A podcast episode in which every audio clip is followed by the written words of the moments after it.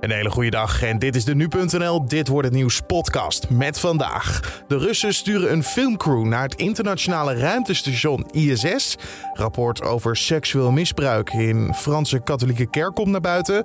En het is tien jaar geleden dat mede-Apple-oprichter Steve Jobs is overleden. Dat zo eerst kort het nieuws van nu.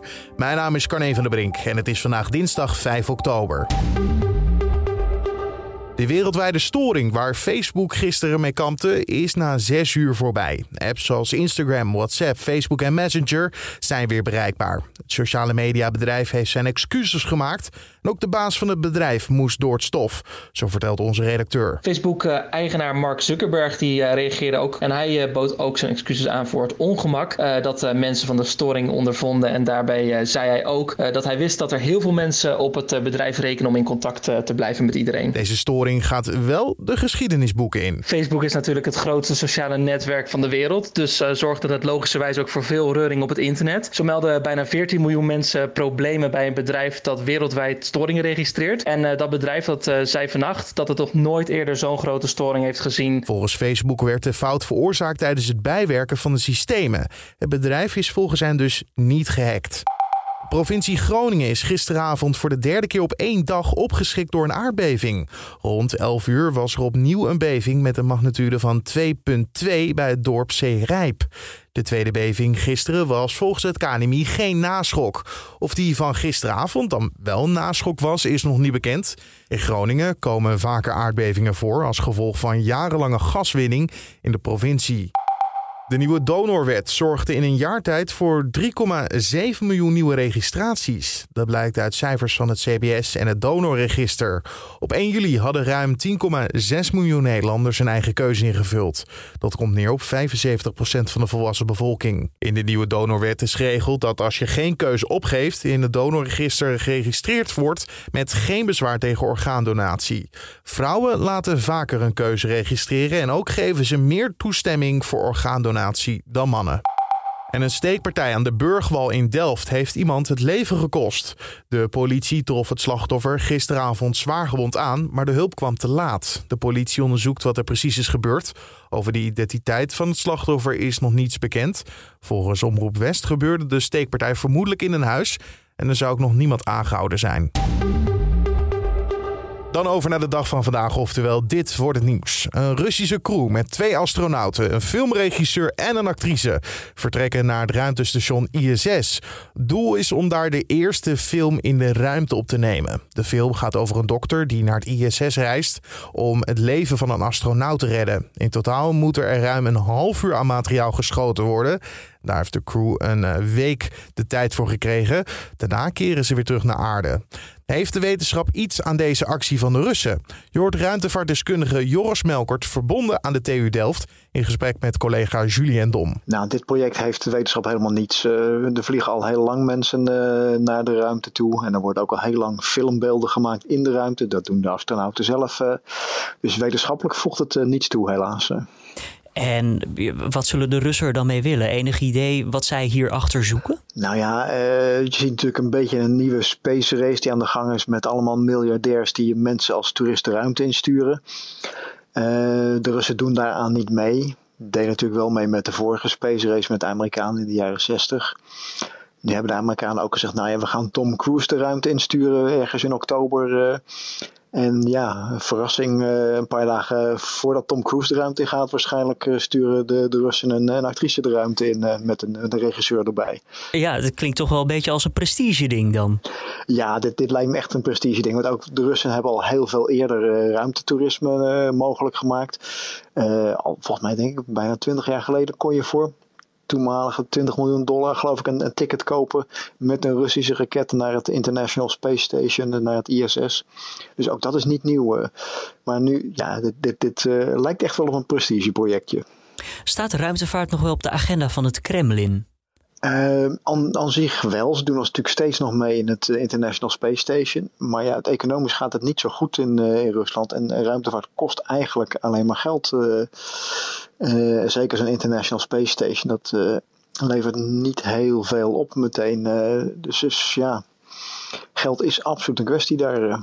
Ja, in die zin is dit een mooie manier om te laten zien dat Rusland toch nog aanwezig is op het ruimtevaartvlak. Ja, en ik denk dat dit zeker in Rusland dat gewoon heel erg goed doet. Uh, ze hebben eigenlijk vorig jaar al aangekondigd dat ze dit wilden. Toen gingen ze werven voor een, uh, ja, wat dan heet, een, een female lead author, of actor, female lead actor. dus een, een vrouwelijke acteur die het moest gaan doen. Die moest een heel sportief type zijn. Nou, die hebben ze dus gevonden. En die gaat dus na 5 oktober de ruimte in. Ja, is er iets te zeggen over hoe zwaar of juist hoe niet zwaar het is om uh, ja, zo'n activiteit als acteren te doen in de ruimte in het ISS? Nou ja, uh, lichamelijk gezien is het niet zo vreselijk zwaar, want je bent gewichtsloos. Eh, maar je zult wel, daar wel even aan moeten wennen. En je kan toch niet zomaar de ruimte in. Je zult een, trainingsprogramma moeten, moeten doen. Bijvoorbeeld de eerste vlucht van André Kuipers was, was ongeveer net zo lang als, als deze vlucht die ze nu gaan, uh, gaan uitvoeren. En die heeft daar uit, uiteindelijk uitvoerig voor getraind. Dus hier zal ook wel iets van training aan vooraf gegaan zijn. En ja, de vraagstuk eventjes van uh, hoe het voelt uh, voor, voor de mensen die dus nu omhoog gaan. Of ze daar goed tegen kunnen. en als ze zich gewoon goed voelen, dan kunnen ze prima acteren. Ze moeten alleen even wennen aan de gewichtsloosheid.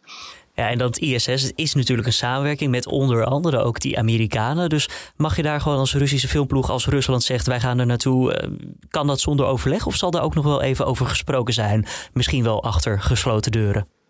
Nou, daar is er zeker over uh, gesproken. Uh, daar wordt gewoon samengewerkt. Er gebeuren wellicht ook uh, militaire geheime onderzoeken die niet zomaar in beeld mogen komen. Dus daar is ongetwijfeld over overlegd. En ja, ze werken gewoon heel goed samen, al, al tientallen jaren lang. dus ik neem maar dat het gewoon een goed onderling overleg gegaan is. Dus dat de Russen eerder zijn, uiteindelijk zal Amerika niet heel wakker van liggen. Nee, ik denk dat ze het niet leuk zullen vinden. Ik denk dat Tom Cruise het misschien ook wel helemaal niet leuk uh, vindt. Maar ja, als er gewoon een lancering gepland staat, uh, je hebt gewoon onderling overleg dat het inhoudelijk kan. Ja, uh, wie houdt ze tegen? Je hoorde Joris Melkert, ruimtevaartdeskundige verbonden aan de TU Delft, in gesprek met collega Julien Dom. De lancering, ruimtereis en de aankomst van de crew bij ISS zijn live te volgen op de website van NASA vanaf kwart over negen ochtends Nederlandse tijd.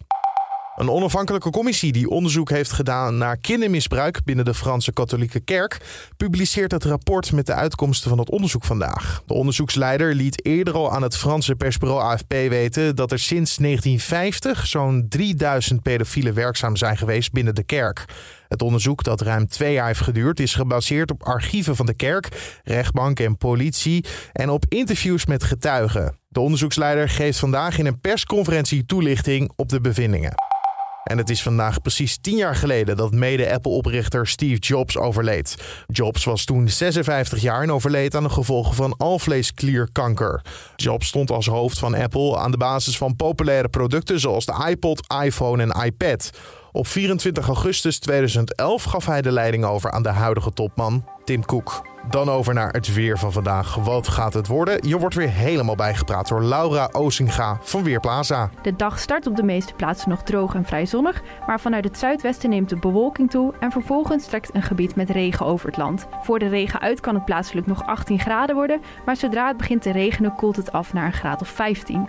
Daarbij staat een matige tot vrij krachtige wind uit het zuidwesten.